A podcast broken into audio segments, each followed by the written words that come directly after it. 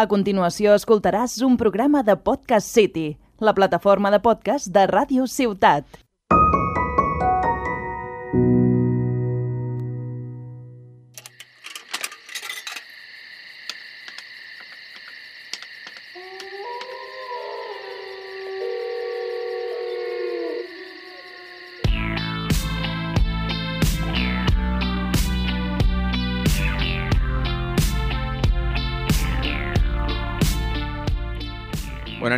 Bona tarda, bon matí, quan m'esteu escoltant. I disculpeu que el tercer podcast s'ha endarrerit una miqueta perquè la setmana passada per motius d'agenda no vam poder gravar. I aquesta edició també és una mica rara perquè estic gravant això el dilluns, no he pogut un altre dia, llavors potser porto una mica de notícies desactualitzades però bueno, jo m'he ficat en aquest projecte, jo tinc problemes, si l'escolteu bé, i si no, pues també. Eh, una cosa us he de dir, a tots els que m'escolteu, potser no és el que us hauria de dir, us hauria de dir gràcies per escoltar-me, però el segon capítol va tenir molta més repercussió que el primer. Llavors vull intentar tornar a les xifres d'aquest primer capítol, així que li heu de passar a tota la vostra família. No sé si us recordeu que, que el meu objectiu me vaig eh, estrenar a Golfes la darrera setmana, el programa de Laura Rovira, i ja he dit que el meu objectiu és fer-me famós. Llavors, si no compartiu el meu podcast, si arribeu aquí des de Golfes, benvinguts, i continueu compartint, que m'heu de fer famós. I amb aquesta intro així una mica random, anem ja amb la secció de notícies que té aquesta cinto.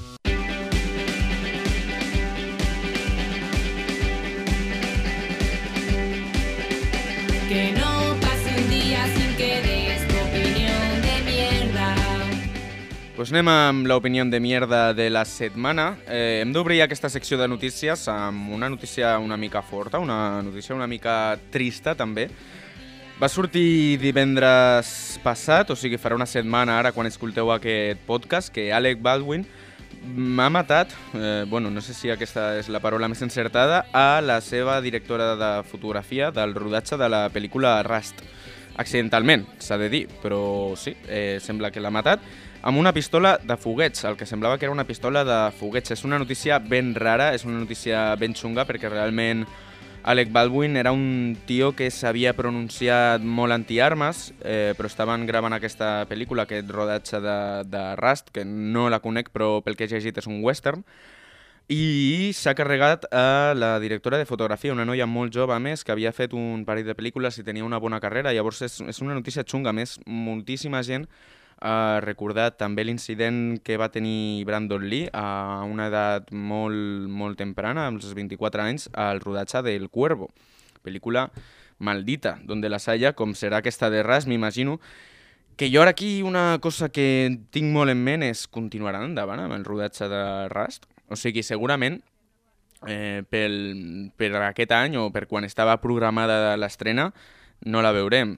però sabent com és Hollywood, deixaran aquesta despesa de diners que hauran fet a la pel·li enrere i, quan, i continuaran endavant amb el rodatge per treure-la en algun moment? Mm, uf, no sé, no ho tinc clar. Llavors, no sé, obrim amb aquesta notícia que a mi em va impactar molt. Eh, jo crec que també pot ser un cop molt dur per, per Alec Baldwin, perquè és un tio que és que reiteradament s'havia pronunciat antiarmes en, en, en molts tuits, en moltes publicacions, en moltes entrevistes, i ara ens trobem això. Hi ha hagut molta gent parlant de les pistoles de foguets i com hi ha molts actors que no tenen la, la instrucció adequada per fer servir aquests elements perquè no deixen de ser armes, armes amb bales que, que són de foguets, que són perquè només faci l'esclat i tal, però no deixen de ser bales de veritat, o sigui, tenen eh, la capsuleta de metall i tenen metralla, o sigui, són eines molt perilloses i molts cops veiem a actors que no la saben manipular adequadament i la, la fiquen amb, amb, amb el dit a, gairebé apretant, prop de la cara, quan mai s'hauria de fer això, perquè realment, pel que he llegit, si dispares un arma de foguets a molt curta distància, pots ferir algú eh, ferir algú de mort, com, com hem vist en casos com aquest. El de Brandon Lee també va ser similar, encara té moltes incògnites perquè finalment no, no van poder culpar a ningú i el cas va quedar tancat. A veure això com queda, perquè clar, a veure on, trobes aquí el responsable del cas encara no se sap gaire, està sota secret de sumari, mm, veurem d'aquí a un temps eh, què diu la justícia al respecte. I ja passem d'aquesta notícia una mica malrotllera, que no és normal trobar eh, quan parlem de notícies de cinema, i anem amb una, mm, bueno, que m'ha sorprès bastant, bueno, no tant, però, però bastant, que és que Venom, eh, la segona part, Habrá Matanza, s'ha dit en castellà, eh, és la pel·lícula que millor ha funcionat en taquilla des del desembre de 2019, o sigui, en temps abans de pandèmia. Desembre de 2019 va ser en conjunt, 2019 va ser un dels millors anys, de, de, si no el millor de la, de la darrera dècada per les sales de cinema, i el desembre sempre és un mes que funciona molt bé, totes les grans estrenes arriben al desembre, i ara Venom és la pel·li que millor ha funcionat des de llavors. Hòsties, mm, jo és que no he vist ni la primera de Venom. Em sembla, no sé, em dona bastant de pal eh, aquest, aquestes pel·lis perquè, no sé, veig els trailers, veig les crítiques i no sé si tenen un to que, que m'agradi massa, però bueno, mira, em sembla que les sales de cinema comencen a recuperar-se, han tingut un, un any molt fotut, el 2020, 2021 torna a, a agafar aquestes, eh, em van parlar a mi de que estan al 80% del que va ser el 2019, però recordem, el 2019, millor any de la darrera dècada. Així que bé, la gent continua confiant en el cinema. Després del que va intentar eh, Warner amb HBO Max i del que ha intentat Disney Plus amb algunes de les seves estrenes també, sembla que fan un pas enrere, sembla que la gent vol tornar al cinema. Jo crec que és una experiència que aquí des d'aquest podcast reivindiquem, o sigui, perquè Posca, he dit Posca? Sí, com ho diu la meva àvia. Des d'aquest podcast reivindiquem en el cinema, perquè jo crec que és això. O sigui, jo pff, vaig a veure les pel·lis que puc, perquè no puc a totes i sé que no és eh, especialment barat en el cinema, però jo crec que és una experiència molt important que mai podràs aconseguir a, a casa teva una pantalla d'ordinador o una pantalla de tele, per molt bona tele que tinguis, que jo ja dic que no la tinc, però, bueno, jo me n'alegro de que funcionin bé les, les pel·lícules a taquilla, encara que sigui Venom. I continuem una mica en cinema de superherois, perquè aquesta l'he vist i en el moment que la vaig veure ja la gent va començar a dir que era fake. I jo només l'he vist des d'aquesta mm, compte de Twitter, aquesta publicació, però sembla que no tingui més contingut fake i la gent li està donant molt bombo. I és que Wonder Woman 3 sembla que estarà ambientada en la Inquisició espanyola. Ja sabem que Wonder Woman sempre tira mm, de recursos històrics, ho va fer amb la Segona Guerra Mundial a la primera, no he vist cap de Wonder Woman, hi ha dos. Eh, després a la segona tenia que rotllo 70 o 80, no sé molt bé, i ara van a la Inquisició Espanyola, em sembla mm, raríssim. Eh, no sé, però també és que tot el que fa mm, DC a, a les pel·lis em sembla super raro, així que ho compro. Però després que la Inquisició Espanyola no és... O sigui, vull dir, no és cap ambientació històrica.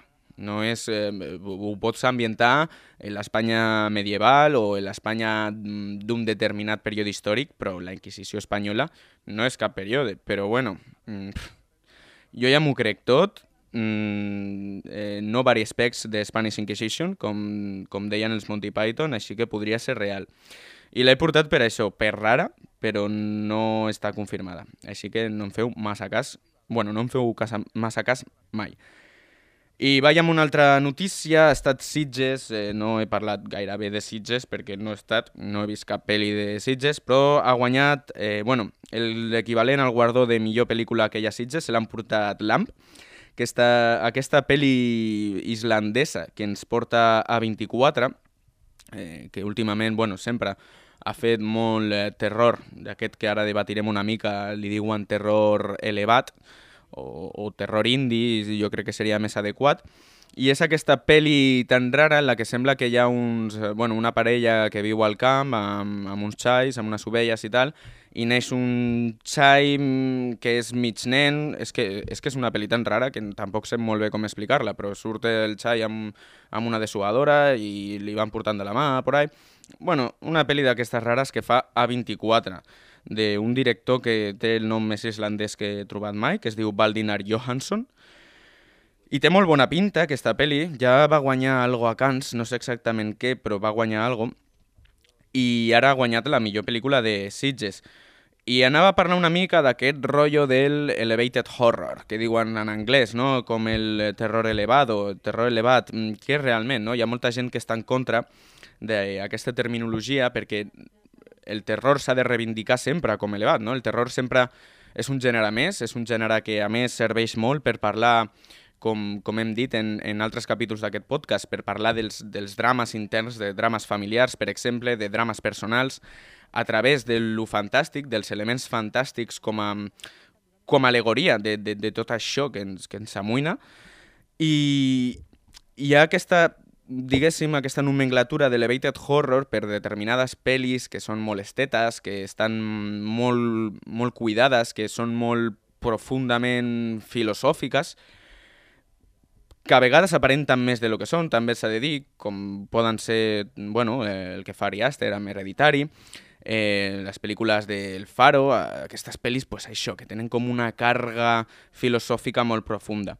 Realment hi ha gent que defensa que el, el terror, l'horror, sempre ha estat així, sempre té una càrrega, i sí que és veritat que hi ha algunes obres que són més d'explotació, però això no treu que hi hagi un que hagi de ser elevat. És un debat una mica pff, caduc, una mica tonto, jo estic a favor de tot, depèn del context. M'agrada molt, moltíssim les pel·lícules de, de Ari Aster i a, les pel·lícules de 24 en general, amb aquest to més esteta, més indie, però també m'agrada un bon slasher, eh, ja vam parlar de Scream a la, a la darrera setmana, jo crec que tot s'hi val i aquesta categoria d'elevated horror pues, és una miqueta pedant i una miqueta, anava a dir classista, però no, cinista, no sé si existeix això. I ara anem amb una altra estrena, tornem novament al cinema de superherois que sempre està ocupant les nostres sales de cinema, jo estic a favor, també s'ha de dir, i és que ha sortit el nou tràiler de The Batman, la pel·lícula que no va demanar ningú, protagonitzada per Robert Pattinson.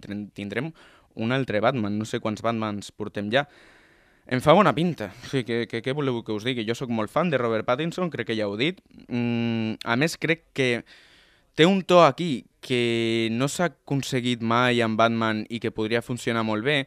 La gent critica moltíssim a Ben Affleck, però a mi m'agradava molt Ben Affleck perquè Ben Affleck tenia aquest rotllo de hòstia, potser Batman no és tan bon tio com, com ens han venut sempre, no deixa de ser un milionari psicòpat psicòpata que decideix eh, prendre's la justícia per la seva mà i matar els que ell considera com a criminals.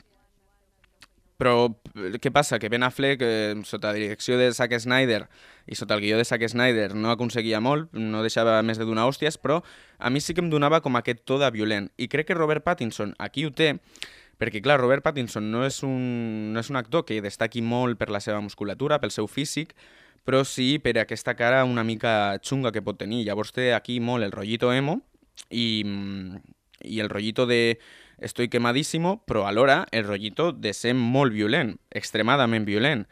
I espero que la crítica, o sigui, que la pel·li faci una crítica d'això, perquè mm, jo crec que la gràcia i el que no s'ha fet amb Batman, amb totes les pel·lis de Batman que s'han fet, és intentar criticar una mica de la figura de Batman, que potser és un tarat, que potser és un boig que, que es dedica a pallissar a, a criminals que no tenen... Que, perquè sí, el Joker és un, un criminal internacional, però també va pallissant a criminals més petits que, que potser no tenen la culpa de fer el que estan fent. Llavors, m'agradaria molt que la pel·li tirés per aquí, però no crec. Sincerament no crec. Tinc esperances, però no crec. Serà una altra pel·li genèrica de Batman. També està Colin Farrell, irreconeixible, fent de El Pingüino. I Colin Farrell també m'agrada bastant. És un actor que no agrada massa, però a mi m'agrada bastant. Així que tinc ganes de veure-la. Mm, tinc esperances de veure-la més que ganes, perquè després sé que serà una pel·li genèrica de Batman, però m'han guanyat amb el tràiler. Surt el 4 de març de 2022. I ara anem amb un blog, com sempre, eh, que en aquest, eh, en aquest podcast és un blog per parlar una mica de notícies sobre plataformes. Han mordido el anzuelo. Han mordido el anzuelo. Han mordido el anzuelo. Amb aquesta magnífica sintonia dels Vengamonjas anem a parlar una mica de plataformes perquè m'han sortit moltíssimes notícies relacionades amb això. I la primera, mm, molt contra la meva voluntat, hem de tornar a parlar de El Juego del Calamar. Squirt Game, com diu el meu estimat tècnic Òscar, perquè sí, ja fa... Jo vam, vam començar aquest podcast parlant del Juego del Calamar, perquè va ser quan me l'havia vist, i anava a dir dues, però tres setmanes després continuem parlant d'això, perquè s'ha fet molt viral, ara ja el tema jo crec que està extint quan surti aquest podcast, el tema de que hi ha molts nens imitant les proves del Juego del Calamar, i clar, aquesta no és una sèrie per nens. Hi va haver un article molt famós, que va ser el primer que es va viralitzar, eh, escrit per Fórmula TV, i després eh, RTVE va fer com una peça també, parlant amb mares, pares, joves i diferent gent sobre si aquesta és una sèrie que haurien de veure els nens. A veure, evidentment, no és una sèrie que haurien de veure els nens, eh, que haurien de veure... Eh, te, te, te, te, Òscar, adelante, Eh, a veure, jo vull dir una coseta ràpida. ràpida. Eh, a la meva època, al pati es jugava al pressing catch. Ahí Només estem, ahí estem. Aquesta és la qüestió. O sigui, sí que és veritat que no és una sèrie que haurien de veure els nens, però el problema de, de la crítica... Espera, que vol entrar el Jonai també? Vol entrar tothom al meu podcast? No. el problema de... Bueno, el problema d'això no és tant la crítica de si haurien de veure aquesta sèrie els nens o no, sinó que es culpa molt a les noves tecnologies, als mòbils, a que no hi ha control. El control hauria de dependre dels pares. I després, quins nens, o sigui, quins nens són el, els que veuen aquesta sèrie? Perquè jo amb 12 anys també em vaig tragar mm, tota la saga de Sau i pel·lícules de gore similars com Kilòmetro 666, que ara no me les veuria, però em van agradar molt en el seu moment i em van curtir una mica el que és el meu gust cultural, pel cinema d'explotació, per exemple, i com entendre eh, pues, aquestes propostes culturals que van més enllà de, de, de lo seriós i van directament al gore. De totes maneres, mm, no em sembla mm, cap preocupació, perquè, clar, quins són els jocs del juego del calamar? Són jocs tradicionals coreans per a nens. I llavors, mm, que els imitin, pues, no té cap problema. Deien que es feien els morts. Pues, bueno, estan jugant al pica-paret fent-se els morts. Aquesta és l'única diferència que hi ha. És un debat que a mi em fa molt pal, però bueno, el volia portar perquè s'han fet moltes publicacions per a mi al respecte. I continuem amb, aquesta, amb aquest bloquet de, de, de, de, de plataformes i anem amb Netflix un altre cop perquè Arcane, que és la sèrie aquesta del League of Legends, que ja van anunciar una sèrie d'animació basada en diferents personatges del League of Legends, serà estrenada eh, permetent a més de 40 streamers de 20 llengües diferents retransmetre-la en directe. Com hem vist amb les... Esto es el LOL? És que no tinc ni idea, no tinc ni idea del LOL. Clar, el, el meu... Fica't el micro, que necessito aquí gent que hagi jugat al LOL per, per donar opinió. Eh, esto es la BSO del LOL. Ah, la BSO del LOL. Es No és... la musiquita de fondo. En, en, quan fas 20 anys crec que has de tenir dos camins, o jugues al LOL o et fas cinèfilo, i són les dues formes que tens de, de fer O- o fàstic. las dos y es por la vida. per O, la, o les dues i et quedes sense vida, clar. Bueno, la cosa és que és això, estarà retransmesa eh, simultàniament la Premiere, només el primer capítol, per més de 40 streamers. Això ja comença a ser una cosa mm, que s'instaura, perquè ja Amazon ens va portar aquestes watch parties, crec que es diuen, en les que si els teus subscriptors o els teus seguidors tenen Amazon Prime Video poden veure una pel·li amb tu, amb el teu comentari, amb la teva finestreta, com si fos un videojoc, i ara Netflix dona aquest pas també. D'una forma una mica de prova, només amb aquesta sèrie, mm, que té tot el sentit del món, perquè és una sèrie basada en el, en el League of Legends, que, que és, una, bueno, és un videojoc, i ja sabem que Twitch ve principalment de la retransmissió de videojocs, però és interessant, no?, que potser estem vivint un canvi de paradigma de, tant de les retransmissions en directe, eh, que ja no són només de, de gamers o de gameplay, sinó que ara també veiem contingut audiovisual comentat, com de les plataformes, que cada cop semblen més obertes a, a aquestes retransmissions en paral·lel. Llavors m'ha semblat molt interessant a veure com funciona, perquè jo tinc molt clar que això Netflix no ho fa perquè sí, ho fa com a prova, i si li funciona bé, i si aconsegueix repercussió i aconsegueix portar gent cap a la subscripció de, de Netflix, que al final és el que els importa, ho faran amb més productes.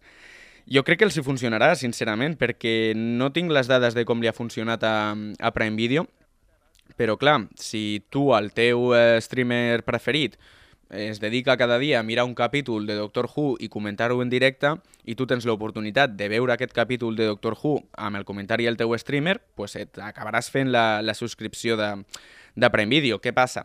Que ja els usuaris de Twitch normalment tenen Prime Video perquè et regala subscripcions i altres coses, però si s'obre altres, a altres plataformes serà un bon estudi de mercat de com funciona aquesta iniciativa realment.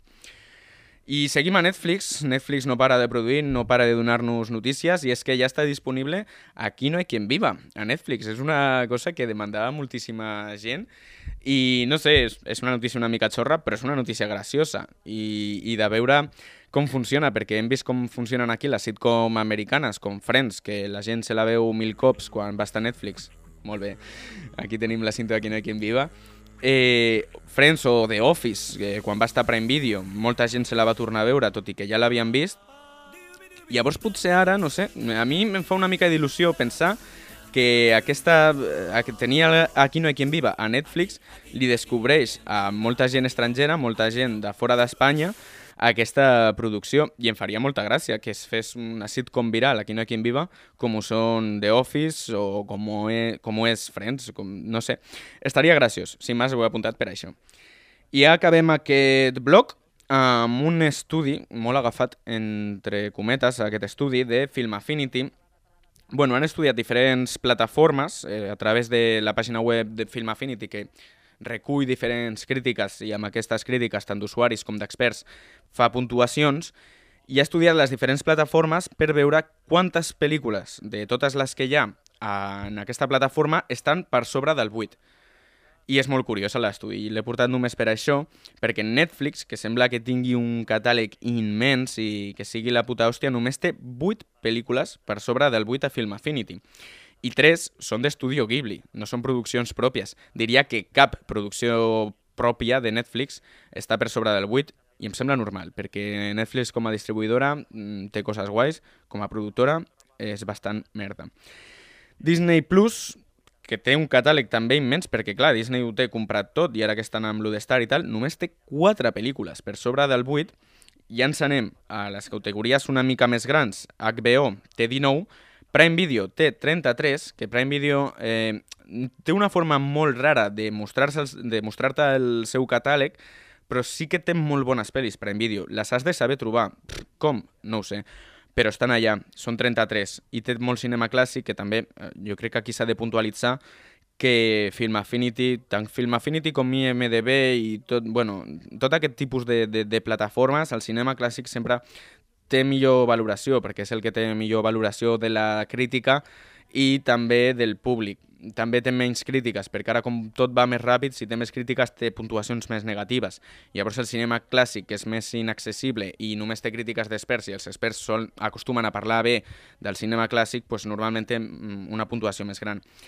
I quina és la guanyadora? Que no l'he esmentat encara? Doncs pues Filmin. La nostra estimada Filmin, aquí m'ha de patrocinar el podcast, perquè cada podcast estic parlant bé de Filmin. Eh, 122 pel·lícules per sobre del 8 a Film Affinity. Novament, eh, també hi va haver un estudi que deia que Filmin és la plataforma que té més cinema clàssic, juntament amb Prime Video, però encara així Filmin estava per sobre. Llavors, eh, aquest és el motiu pel qual eh, hi ha moltes pel·lis per sobre del 8. Filmin també té moltes pel·lis que venen del circuit més festivaler, i aquestes pel·lis també són menys accessibles al públic, llavors tenen menys crítiques i les crítiques que tenen són professionals i acostumen a estar una mica més inflades, perquè, evidentment, una pel·li que s'ha estrenat eh, aquí en Espanya, per exemple, només a Sitges, i la, la veu la gent que va a Sitges, que normalment serà gent que li agradi el terror i el fantàstic, pues tindrà bones crítiques. Però encara així, bueno, pues és una notícia positiva que una plataforma espanyola, catalana, barra, moltes barres, perquè no sé com es defineixen a si mateixos, eh, tingui 122 pel·lícules per sobre del 8 i sigui la, la plataforma guanyadora d'aquest entrecomedíssimes estudi. I ara amb això acabem la secció de notícies, anem a parlar d'unes pel·lis que he vist.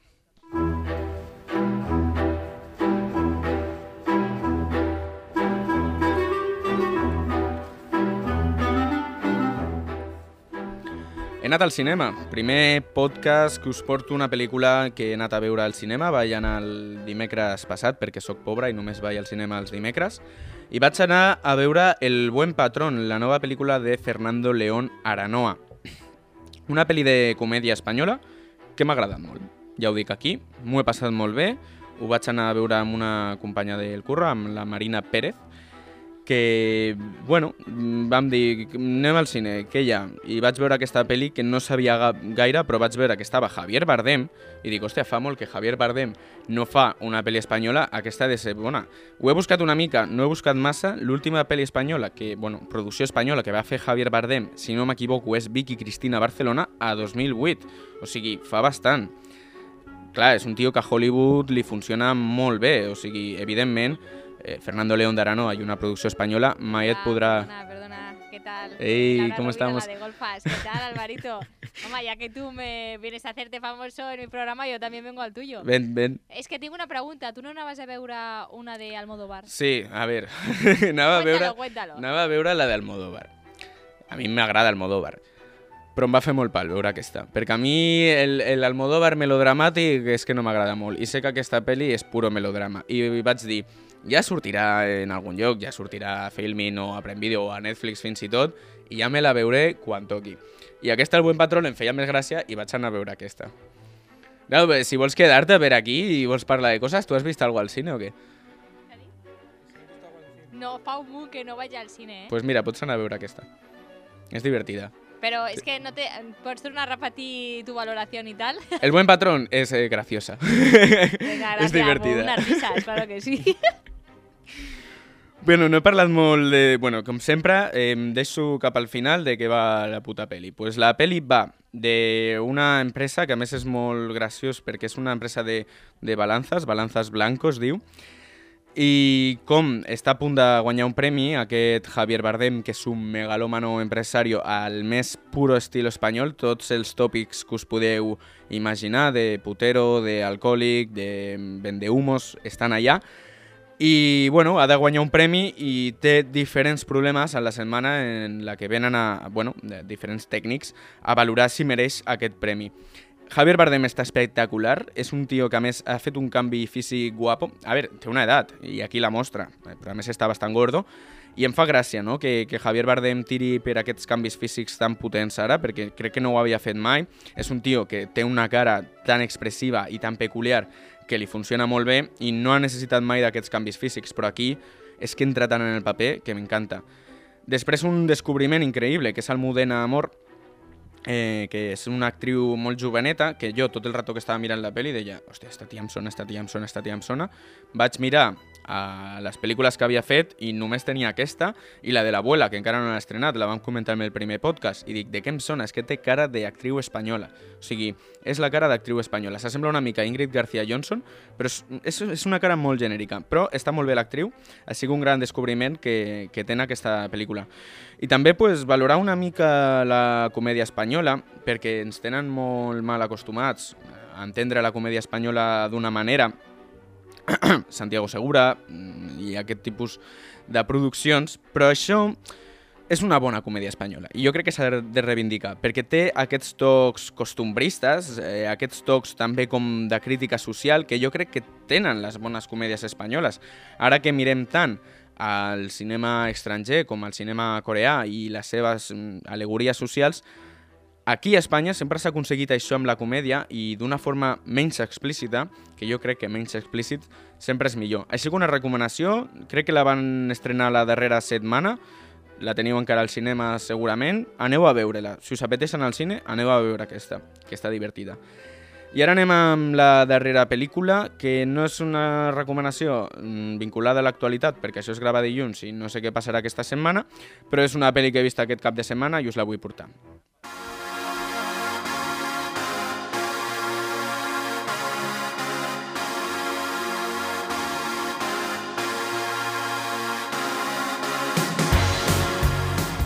M'he vist Sing Street, eh, aquest diumenge me la vaig veure ahir. És la tercera pel·lícula d'aquesta trilogia que no m'havia acabat fins ahir, però havia vist les altres dos, que són aquestes tres pel·lícules que ha produït, dirigit John Carney, que tenen com a eix principal la música i la producció musical sense ser musicals explícitament. A mi m'agraden molt els musicals, però s'ha de dir que aquestes pel·lis no són musicals. La música està integrada, però té un sentit, perquè és que els personatges de la pel·lícula produeixen música. Aquesta trilogia comença amb Once, eh, continua amb Begin Again, i la tercera part és aquesta de Sing Street. Són tres pel·lícules que m'agraden moltíssim, les tres, no sabria en, qui or en quin ordre. Crec que Once és la meva preferida perquè és molt senzilla, però aquesta de Sing Street és com que ja fa el salt, eh, se li reconeixia una mica més com a, com a director, hi ha molta més producció i està molt guai. Jo crec que és una pel·li que pot gaudir tothom. És una pel·li molt de cap de setmana, això que surt el divendres, mireu-la al cap de setmana, de, de, de sofà i de mantita, perquè, no sé, és molt bon rotllera. La pel·li detalla una mica eh, la vida d'un adolescent a Irlanda als anys 80, a Dublín, i bueno, la seva mm, vida a l'institut, un institut profundament catòlic, i com ell munta una banda de pop-rock amb eh, inspiracions de, de grups de l'època com Duran Duran, com Aja. Aquest tema que escolteu és producció de la pel·lícula, i igual que tota la banda sonora, pràcticament tota la banda sonora, i mola molt, no?, perquè a més eh, transporta aquesta època tan guai que és els 80, sense veure-ho de- des d'una perspectiva americana, que és com l'hem vist sempre, sinó des d'un irlandès que somia amb sonar com aquests americans o com la gent de, de Londres, perquè clar, Dublín als 80 era una ciutat gran, però no tenies les oportunitats musicals que t'oferien altres. Llavors, no sé, és una pel·li molt bon rotllera, mireu-la si no l'heu vist, mireu també si us agrada aquesta, jo crec que aquesta és bona per, per entrar al rotllo, encara que és una mica diferent de Once i Begin Again, però si us agrada mireu Once i Begin Again, són tres pel·lis que recomano moltíssim, crec que John Carney és un director amb una estètica, no és una estètica molt marcada, una forma de fer pel·lícules molt marcades. Parlar de la producció musical, parlar dels somnis i construir les pròpies pel·lícules a, a l'hora que es construeixen les cançons. I amb això acabaríem, amb aquesta recomanació. Eh, Espero que us agradi el podcast aquest una mica d'imprevist entre el poc temps lliure que tinc. I feu-me arribar els vostres comentaris si voleu venir aquí a parlar de cines, si voleu que comenti alguna notícia o si teniu alguna recomanació, qualsevol cosa, me la podeu fer arribar. I això és tot, ens veiem la setmana que ve. Si tot va bé, xampany i crispetes.